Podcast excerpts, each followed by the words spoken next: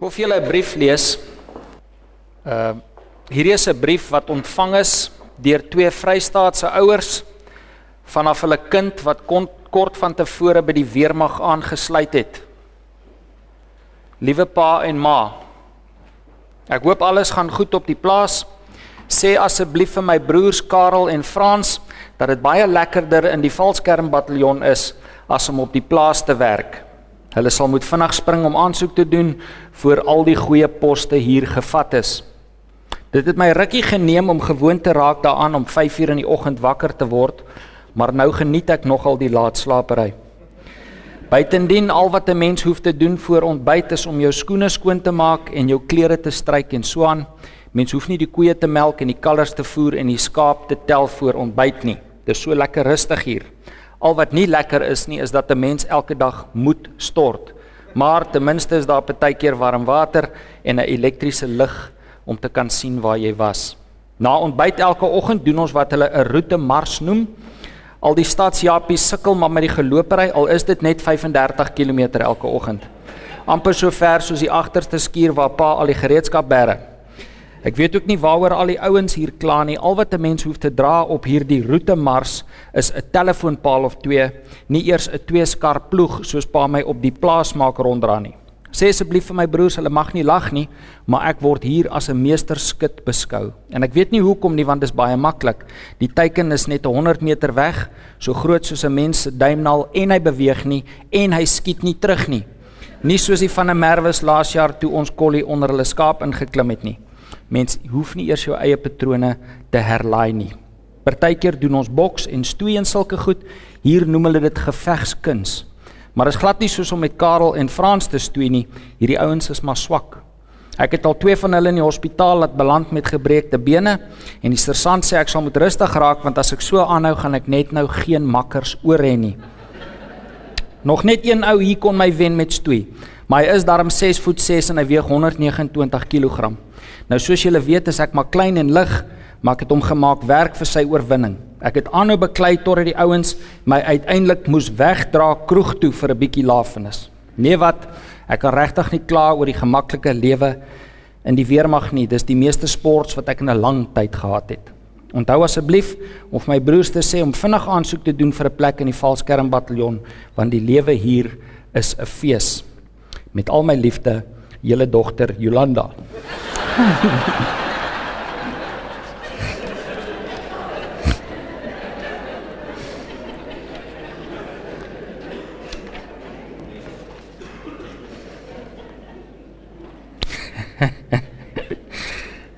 Het jy lekker daai ding seker 10 keer hierdie week oor en oor gelees om te probeer kyk of ek dit kan doen sonder dat ek self lag, maar kan nie, dit bly snaaks hoor. Julle dogter Jolanda. Ek dink gou mooi, hoekom is hierdie brief snaaks? Hoekom vind ons dit so humoristies. Net een rede. Dis omdat die kwinkslag so onverwags is, nê? Die punchline is 'n verrassing. Jy hoor die storie en jy bou hierdie idee in jou kop op. Jy sien hierdie groot Vrystaatse boerseun en aan die einde van die storie toe is dit nou nie 'n boerseun nie. En dis die onverwagsheid van daardie ding wat maak dat dit snaaks is. Nou is my interessant dat ons as mense die onverwagse snaaks kan vind in 'n storie of 'n grappie Want wanneer die onverwagse met ons gebeur in die regte lewe, is dit maar weinig dat ons dit snaaks vind. Om die waarheid te sê, meeste van die tyd wanneer die onverwagse met ons gebeur, ervaar ons dit eerder traumaties. Jy gaan aan met jou lewe, alles is rustig, alles loop goed en dan gebeur daar ewe skielik iets. En baie keer kan dit beteken dat ons voel asof die lewe in duie stort. Ek is seker elkeen van ons kan getuig van 'n onverwagse ding eers in ons in ons lewens wat trauma veroorsaak het. En weet julle, is nie net die onverwagse dinge wat ons kan onderkry nie. Dinge kan opbou in ons lewe. Gesondheidsprobleme, finansiële probleem, verhoudingsprobleem. Dit bou op en bou op en bou op en eendag ewe skielik kyk jy om jou en jy besef ek's in die moeilikheid. Hier's 'n probleem. En ek kan nie sien hoe ek hier gaan uitkom nie. Nou in die preekreeks waarmee ons besig is, vra in die wildernis, gesels ons oor die moeilike tye wat oor ons pad kom. Ons gesels oor hierdie wildernis ervarings waardeur ons soms gaan in ons lewens. Laasweek het Dominee Christ die reeks vir ons afgeskop en ons het gesien dat geloof die sleutel is tot oorlewing in die wildernis. Ons moet vashou, ons moet uithou en aanhou saam met die Here in ons wildernis, in ons moeilike tyd. In die wete dat daar 'n dag gaan kom wat ons kan terugkyk en sien nie net het die Here ons gelei deur daardie moeilike tyd nie, maar die Here het ons gedra. Broer en suster, ek wil vanmôre vir jou uit my hart uit bemoedig as jy om jou kyk in jou wildernis en dit lyk nie vir jou of die Here daar is nie. Jy kan die Here nie sien nie. Dan is dit omdat jy op sy skouers sit. Die Here dra ons deur ons wildernis. Nou vanoggend bou ons op hierdie fondasie en ons vra onsself af, is die wildernis 'n sterfplek of 'n groeiplek? Want sien vir Israel, vir die generasie van Israel wat Egipte verlaat het, was die wildernis 'n sterfplek, né? Nee? Daardie generasie wat uit Egipte getrek het, het nie die beloofde land beerwe nie. Hulle is dood in daardie wildernis. Hulle het daar gesterf. Die wildernis was vir hulle 'n graf. Maar vir Josef, vir Josef was die wildernis 'n groeiplek. Dit is die plek waar die Here sy karakter gevorm het. Dit is die plek waar die Here hom bevorder het. Dis die plek waar die Here hom die man gemaak het wat hy wou gehad het hy moet wees. Vir hom was dit 'n groeiplek. Nou net so kan ons wildernis vir ons ook 'n sterfplek wees. Kan 'n plek wees waar ons geloof seer kry of ons wildernis kan 'n groeiplek wees waar ons nader aan die Here beweeg, waar ons groei in karakter om die mense te kan wees wat die Here wil hê ons moet wees. Is die wildernis vir ons 'n sterfplek of 'n groeiplek?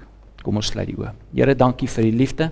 Dankie vir die genade. Dankie Here dat ons vanoggend hier kan wees met die wete, Here, dat U Gees ons leer, dat U ons lei maar bovenal Here dat U ons dra in U liefde deur die moeilikste tye van ons lewe en ons vra vanoggend dat U deur U Gees tot ons harte sal spreek.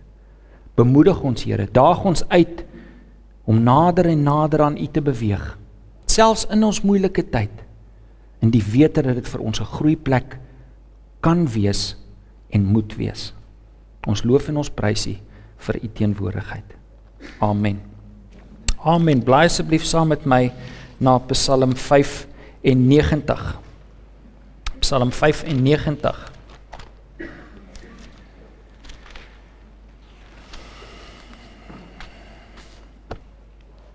Ons lees van vers 1 af. Kom laat ons jubel tot eer van die Here. Laat ons juig oor die rots by wie ons redding vind. Laat ons na hom toe gaan met lof, laat ons hom toejuig met lofsange want die Here is die magtige God, die groot koning oor al die gode. Die dieptes van die aarde behoort aan hom, die kruine van die berge is syne. Die see is syne, hy het dit gemaak. Sy hande het die land gevorm. Kom ons val in eerbetoon voor hom neer, kom ons buig, kom ons kniel voor die Here ons Skepper. Hy is ons God en ons is sy volk, sy kudde, sy skape deur sy hand versorg. As jy vandag maar na hom wou luister, Moenie hardkoppig wees soos destyds by Meriba, soos die dag by Massa in die woestyn nie, waar julle voorvaders my uitgetart en my geduld beproef het, hoewel hulle gesien het wat ek gedoen het. 40 jaar lank het ek 'n weersin in daardie geslag gehad. Ek het gesê hulle is 'n moedswillige volk. Hulle wil my paaie nie ken nie.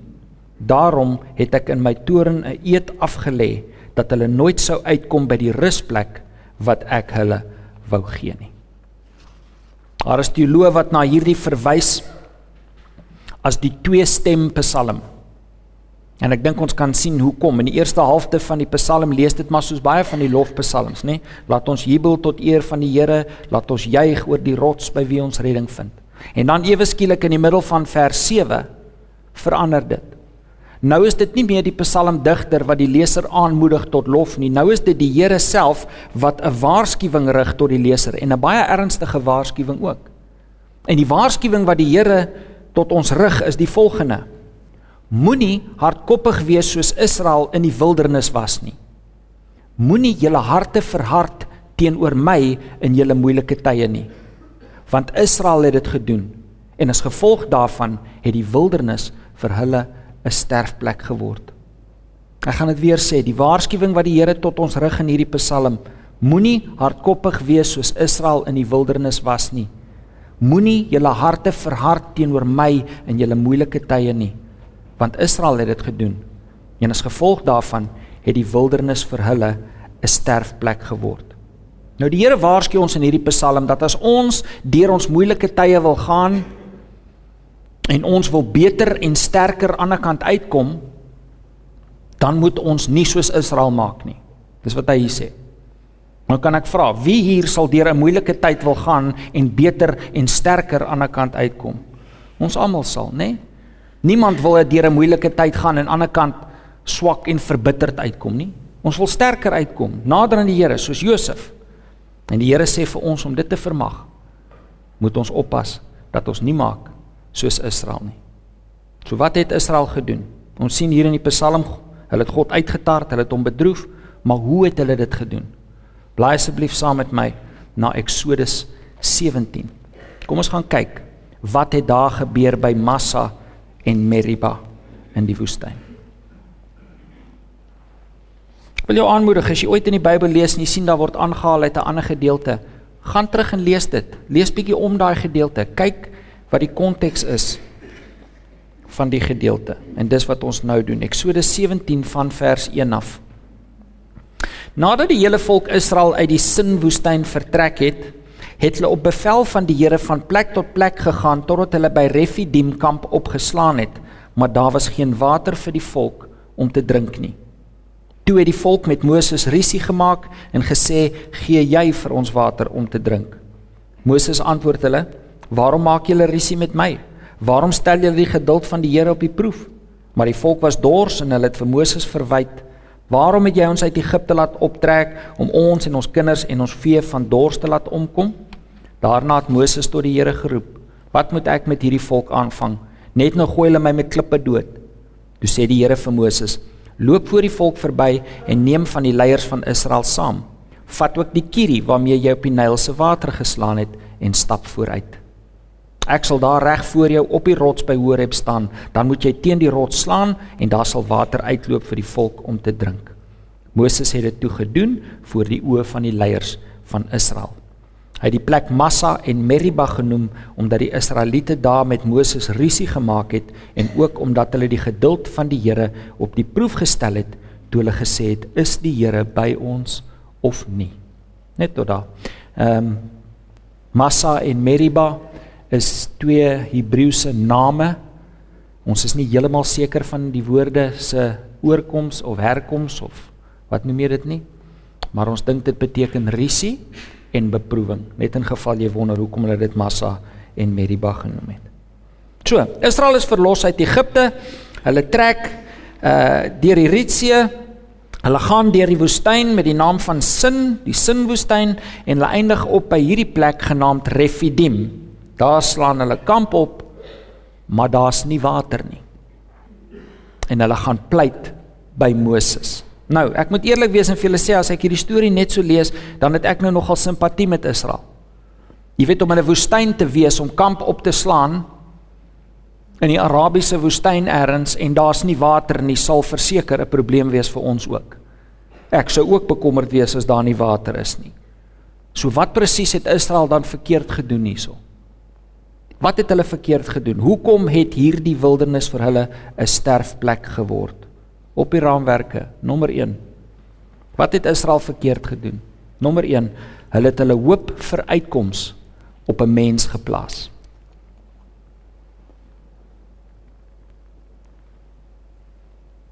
Hulle het hulle hoop op uitkoms op 'n mens geplaas.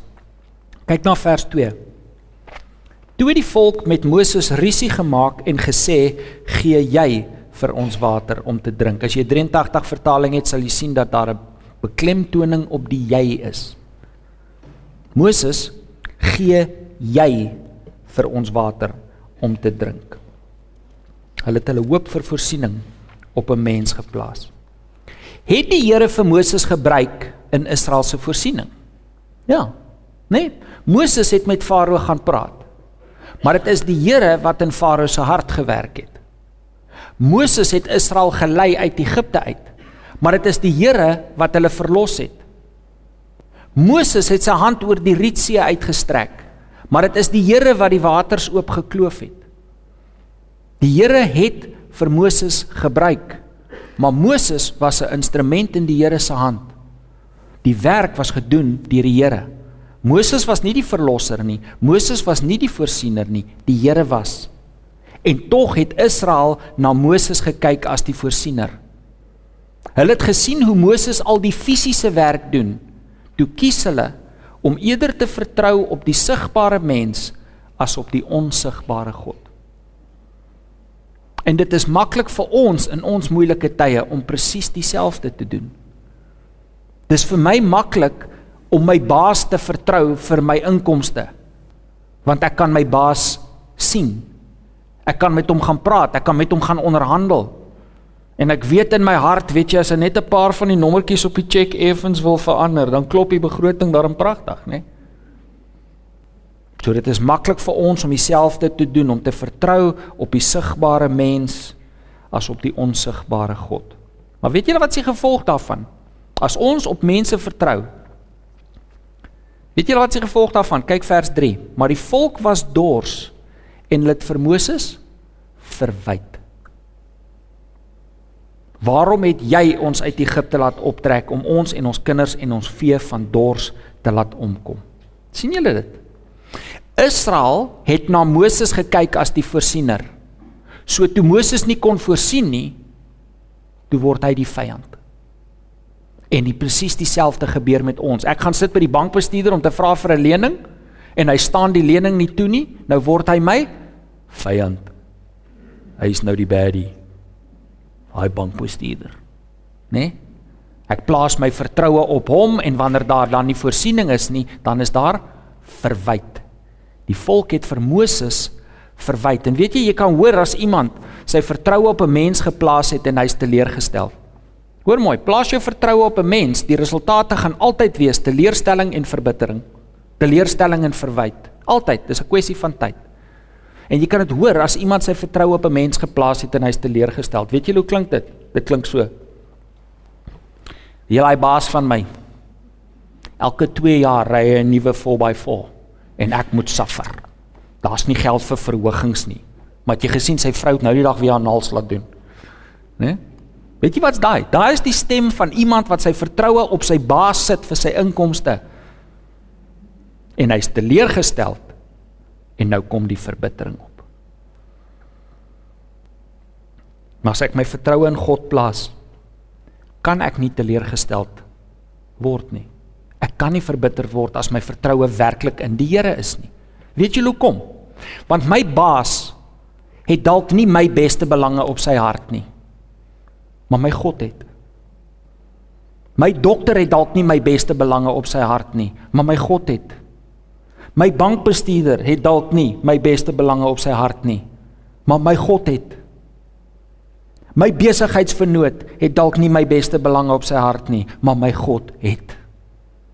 So wanneer ek werklik in my hart weet dat God my voorsiener is, God is my verlosser en voorsiener, dan kan ek nie teleurgesteld wees nie want ek weet wat ek het is wat die Here wil hê ek moet hê. En wat ek het of nie het nie is die beste vir my. Want God gaan nie laat enige goeie gawe my ontgaan nie. As ek iets nou nie het nie broer en suster weet ek in my hart is omdat dit nie die regte ding is vir my nie want my vertroue is in die Here. God het my beste belange op sy hart. Wat ek het het ek omdat die Here wil hê ek moet hê. En as ek nie nou het nie, dan gaan die Here dit vir my gee wanneer ek dit moet hê. Maar solank as wat my vertroue in Hom is, word die mense om my nie my vyande nie. Ek kan die evangelie uitdra, ek kan my getuienis uitleef want ek's nie verbitter teenoor enigiemand nie. En wanneer die wêreld sien dat ons in moeilike tye vrede in ons harte kan hê, is dit 'n getuienis van die reddende krag van die Here Jesus Christus. Amen. Amen. Psalm 146 vers 3 sê die volgende: Vertrou nie op prinses op die mensekind by wie geen heil is nie. Vertrou nie op prinses op die mensekind by wie geen heil is nie. Dis die 53 ek ek uh, lees of julle wat my ouma het hom altyd vir my aangehaal. As jy met my ouma begin praat het oor iemand, dan begin dan sal sy weet oor jou baas of oor jou, dan sal sy altyd sê vertrou nie op prinses. Vertrou nie op prinses. Dink die 83 sê vertrou nie op die magtiges nie.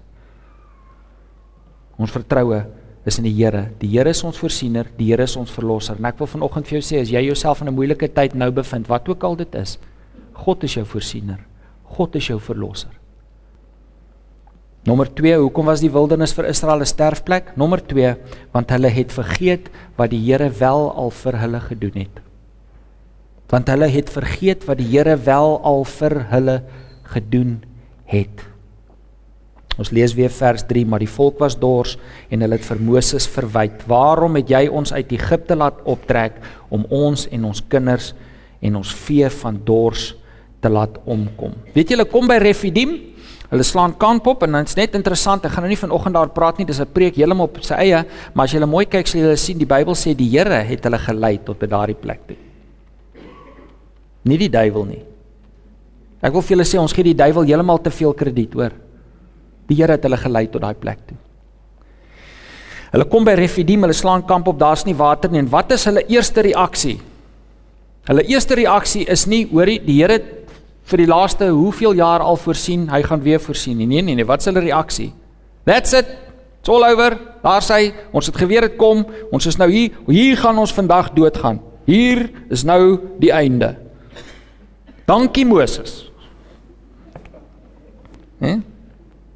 En tog as jy die Bybel vat en jy blaai net terug, die vorige hoofstuk, voer die Here hulle met manna uit die hemel. En toe hulle moeg raak vir die manna, toe stuur die Here kwartels dat hulle vleis ook het. Die Here het nie net voorsien nie. Toe hulle nou kieskeurig geraak oor die menu, toe pas die Here bietjie aan ook. Die hoofstuk voor dit maak die Here die water soet by Mara. Jy kan gaan kyk. Die Here maak die water soet by Mara. Hulle kom by 'n plek, daar was nie drinkbare water nie. Die Here maak die water drinkbaar. Vorige hoofstuk, hulle gaan deur die Rietsee. Farao word vernietig, sy hele weermag word uitgewis op 'n manier wat geen mens kon beplan nie. Die vorige hoofstuk. Die pla. Die vorige hoofstuk, die vorige hoofstuk, jy kan teruggaan. Elke hoofstuk wat jy teruggaan, sien jy hoe die Here op een of ander manier vir Israel voorsien of verlos. Bonatuurlike voorsiening vir kos en water, bonatuurlike voorsiening vir beskerming, bonatuurlike voorsiening vir guns. Weet jy Moses sê vir die Israeliete, gaan vra die Egiptenare vir goud en silwer vir ons trek. En dis presies wat hulle gedoen het. En die Egiptenare het dit vir hulle gegee. Wie sal dit doen? Wie sal dit doen? Kan jy dink jou buurman trek? En hy lê daar oor die muur. Hy sê: "Hey buurman, ons gaan Bloemfontein toe, ons nou moeg vir die Kaap." En uh, wil jy nie vir my bietjie uh, help met 'n paar rand nie? En jy sê vir hom: "Nee man, hoor jy, hier's my bankkaart. Hierso. My pin is 1 2 3 4 5. Gaan met God." Hæ? Wie sal dit doen? Die Egiptenare het want die Here het vir Israel bo natuurlike guns gegee. Hy het vir hulle voorsien van dag 1 af en tog elke keer in die wildernis as hulle te staan kom voor 'n struikelblok, dan val hulle uitmekaar in ongeloof. Gaan kyk bietjie, gaan lees Eksodus en kyk hoeveel keer sê hulle vir Moses daar sê hier gaan ons nou dood. Dankie Moses.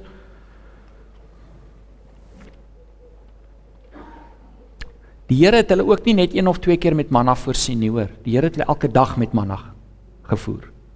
Hierdie oggend by Refidim, hierdie dag het hulle opgestaan. Hulle het gaan manna haal, brood wat uit die hemel neerreën. Het hulle gaan haal en na Moses toe gegaan en gaan kla. Hey Moses. Is dit nou dit? Is dit nou hoe ons voorvoorsien word? Hier moet ons nou doodgaan vandag. Hæ? Huh? klaar met die hemelbrood onder die arm. Né? Nee? Maak dit sin dat iemand so sou optree? Natuurlik nie en tog is dit presies wat ons ook doen. Ons vergeet wat die Here vir ons al gedoen het. So amper 10 jaar terug toe ek in Janine Kaap toe trek, toe gaan ons deur 'n baie moeilike finansiële tyd.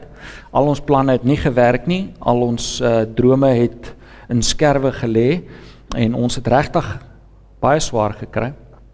En in hierdie tyd van swaar kry, kry ek 'n aanslag van SARS vir amper 50000 rand se penalties.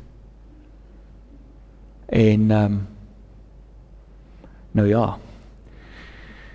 Dit was 'n tyd toe daar nie 50000 rand was nie en geen manier om dit te kon kry nie. Daar was geen manier hoe ek dit eers kon kry nie. En ek moet vir julle sê ek het so effens uitmekaar geval. Dit is my daai tyd asof so 'n koue hand om my hart vasgegryp het. En ek sit die dag by die werk en ek brom in my hart en ek kry myself innig jammer. Want niemand anders het nie. En ek sit regtig, weet jy, en ek ek eers ek kry myself jammer hoor. En ek kyk op die lesenaar en ek sien 'n foto van Janine en die drie meisies. En ek sit en kyk vir daai foto en toe ek daai foto so kyk net, toe kom die woorde by my op. Tel jou seëninge, tel hul een vir een. Seëninge jou deur God geskenk. Tel hul almal kyk wat God verleen en jy sal verbaas wees oor wat God jou skenk. Tel jou seëninge een vir een en jy sal verbaas wees oor wat God jou skenk. En ek sit daardie dag in my kantoor en ek vat 'n pen en 'n stuk papier, weet jy, en ek begin neerskryf. Ek begin 'n lysie maak van die goedheid van die Here in my lewe. Ja, ek het nog die geld nodig, maar my vrou is met my. My vrou help my, sy ondersteun my, sy staan by my deur hierdie moeilike tyd. Ja, ek het nog die geld nodig. Maar ek het drie pragtige meisies. Hulle is gesond. Hulle is voorbeeldig. Hulle leer van self. Ek hoef nie agter hulle te staan met 'n sweep nie. Hulle soet, 'n rug. Dis nou julle, hoor? Ek het vanoggend hierheen gery met 'n kar. Nee, dis nie 'n Mercedes-Benz nie, maar weet jy, dis 'n kar. Ek hoef nie te gery loop het nie. Ek hoef nie 'n minibus taxi te gevat het nie. En soos ek daardie lysie maak, punt vir punt vir punt, begin ek skaam kry vir my ondankbaarheid teenoor die Here. En ek sê dit tot my skaamte. Maar ek maak daardie lysie, nê. Nee. En soos ek daai lysie maak, moet ek vir julle sê, het die trane van hopeloosheid het trane van dankbaarheid geword. Die negativiteit en die hopeloosheid het begin verdwyn uit my hart uit daardie dag. En daarna, daarna elke keer, weet julle wat ek myself kry dat ek begin fokus op hierdie ding, hierdie een behoefte, hierdie een probleem, hierdie een saak wat vir my so onmoontlik lyk, dan forceer ek myself om te dink aan daai lysie. En dan bid ek en dan sê ek, Here, help my met hierdie probleem. Maak hierdie ding reg vir my, Here. Maar dankie vir dit. Dankie vir dit. Dankie vir dit. Dankie vir dit. Broer en suster, 'n hart gevul met dankbaarheid het nie plek vir negativiteit en hopeloosheid nie. En in ons wildernis is dit die grootste vyand, is daardie negativiteit en hopeloosheid wat vir ons so voel, dit oorweldig ons. Maar wanneer ons begin om in dankbaarheid teenoor die Here te lewe vir alles wat ons het, is daar hoop. Filippense 4 vers 6 tot 7 sê die volgende: Moet oor niks besorg wees nie, maar maak in alles julle begeertes deur gebed en smeking en met danksegging aan God bekend. Die Bybel sê daar: Vra vir die Here wat jy wil hê. Vra vir die Here wat jy nodig het. Vra vir die Here vir uitkoms, maar doen dit tesame met dankbaarheid. Volgende versie sê: en dan sal die vrede van God wat alle verstand te bowe gaan oor julle harte en gedagtes die wag hou in Christus. Wanneer ons kan leer om in dankbaarheid te lewe, sal daar 'n vrede oor ons harte kom, broer en suster, die vrede van die Here. Weet julle wat doen dankbaarheid? Dankbaarheid beskerm jou hart. Dit beskerm jou gedagtes teen negativiteit en hopeloosheid. 'n Dankbare mens kan nie hopeloos en moedeloos wees nie.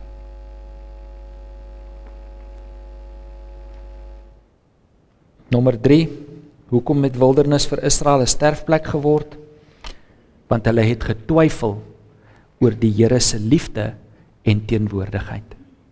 Want hulle het getwyfel oor die Here se liefde en teenwoordigheid. Eksodus 17 vers 7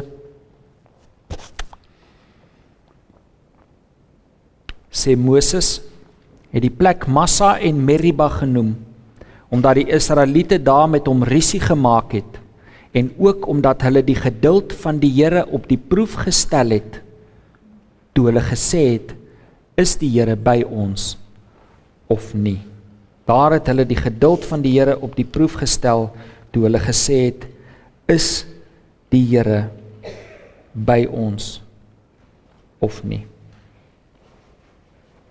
Israel het na Moses gekyk vir voorsiening.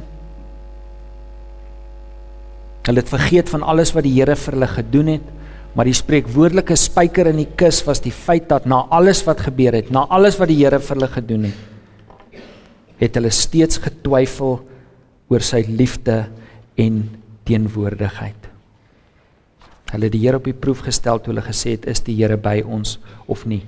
Wanneer ons twyfel oor die Here se liefde, wanneer ons twyfel oor die Here se teenwoordigheid in ons moeilike tye, dan spreek dit direk tot ons verstandhouding van God se karakter.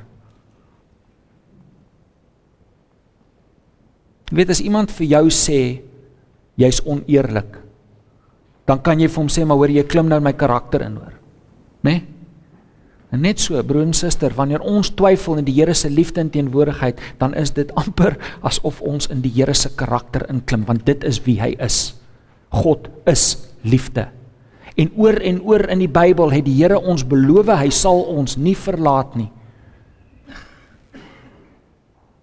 God praat met Moses. Hy roep Moses en sê kom, Ek het 'n werk vir jou en Moses sê nee Here, ek kan dit nie doen nie. Ek kan nie dit doen nie van dit en dit en ek kan dit nie doen nie van dit en dit en dit. Hy gee vir die Here 'n hele lys redes en die Here sê vir Moses: "Gaan en doen wat ek vir jou sê om te doen, want ek is by jou." Toe Joshua oorneem by Moses. Toe sê die Here vir Joshua: "Joshua, gaan doen wat ek vir jou sê, want ek is by jou. En die Here Jesus Christus, wat was die Here Jesus se laaste woorde voor hy opgevaar het hemel toe? Gaan doen wat ek vir jou sê. Want ek is by jou tot die volëinding van die wêreld. Weet julle dit is die sterkste vers vir my van God se teenwoordigheid. Die Here sê nie net ek is met julle nie. Hy sê ek is by julle tot die laaste dag. Daardie laaste keer dat die son opkom, sal ek daar wees. Ek wil vir jou vanmôre sê as jy deur 'n moeilike tyd gaan, broer of suster, wanneer die laaste druppel water uitgegiet is, is die Here daar by jou. Die Here lei ons nie net deur die wildernis nie. Hy dra ons. Die wildernis was 'n plek waar daar geen natuurlike voorsiening vir Israel was nie. Weet julle die die woord vir wildernis in Hebreëus is 'n interessante woord. Dis die woord ehm um, midba. En Midba beteken letterlik 'n plek wat die mens geen beheer oor het nie. Plek wat die mens nog nie getem het nie. En dis presies wat ons wildernis is. Dis 'n plek wat ek en jy nie beheer oor het nie. Dis 'n plek wat ongetem is deur die mens. En daar in daardie wildernis kon Israel niks doen sonder die Here se voorsiening nie. Hulle kon nie gaan water haal by 'n put of gaan vrugte pluk by 'n boom nie want daar was nie. Elke liewe ding wat Israel ontvang het, moes hulle direk uit die Here se hand ontvang het. En dit is wat gebeur het. Hulle het Toe dit die tyd reg was vir hom uit Egipte te trek, toe werk die Here in die hart van 'n mens wat homself as 'n god beskou het om hulle te laat gaan. Toe daardie selfde koning hulle agterna sit, toe kloof die Here 'n hele see oop en vernietig 'n weermag om sy volk te beskerm toe hulle kos nodig gehad het, toe laat die Here brood uit die hemel uit neer reën op hulle. En toe hulle water nodig gehad het, toe spuit dit uit 'n rots. En weet jy, hy het my baie ek het baie gedink, hoekom sou die Here dit doen? Hoekom het die Here nie net dat daar 'n fontein uit die grond opborrel of iets nie? Weet julle hoekom? Want die Here wou vir hulle wys niks is vir my onmoontlik. Niks is vir my onmoontlik nie. Broer en suster, ek en jy sien dalk nie die oplossing nie. Maar God is al daar. God is al daar op die verste punt. Hy wag vir ons. Ons moenie maak soos Israel nie. Ons moet mense van geloof wees. Psalm 95. Ek lees vir julle 'n paar verse weer. Kom, laat ons jubel tot eer van die Here. Laat ons juig oor die rots by wie ons redding vind. Broer en suster, kom ons val in eerbetoon voor hom neer. Kom ons buig. Kom ons kniel voor die Here ons Skepper in dankbaarheid. Want hy is ons God. Ons is sy volk. Ons is sy skaap. Ons word deur sy hand gevoed. As ons vandag maar net na hom wou luister. Kom ons sluit die oë. Here, dankie vir u liefde. Dankie Here vir hierdie woord wat ons bemoedig, wat ons uitdaag om in geloof te leef. Ons weet Here, U is by ons. U is met ons. Ons weet Here, nie net lei U ons nie, maar U dra ons deur ons moeilike tye. En daarom Here kan ons vanoggend met hande omhoog kan ons getuig ons dien die God van liefde. Ons dien die God van genade. Ons loof en prys U vir U teenwoordigheid. Amen. Amen. Amen. Kom ons staan. Kom ons staan en loof die Here se naam.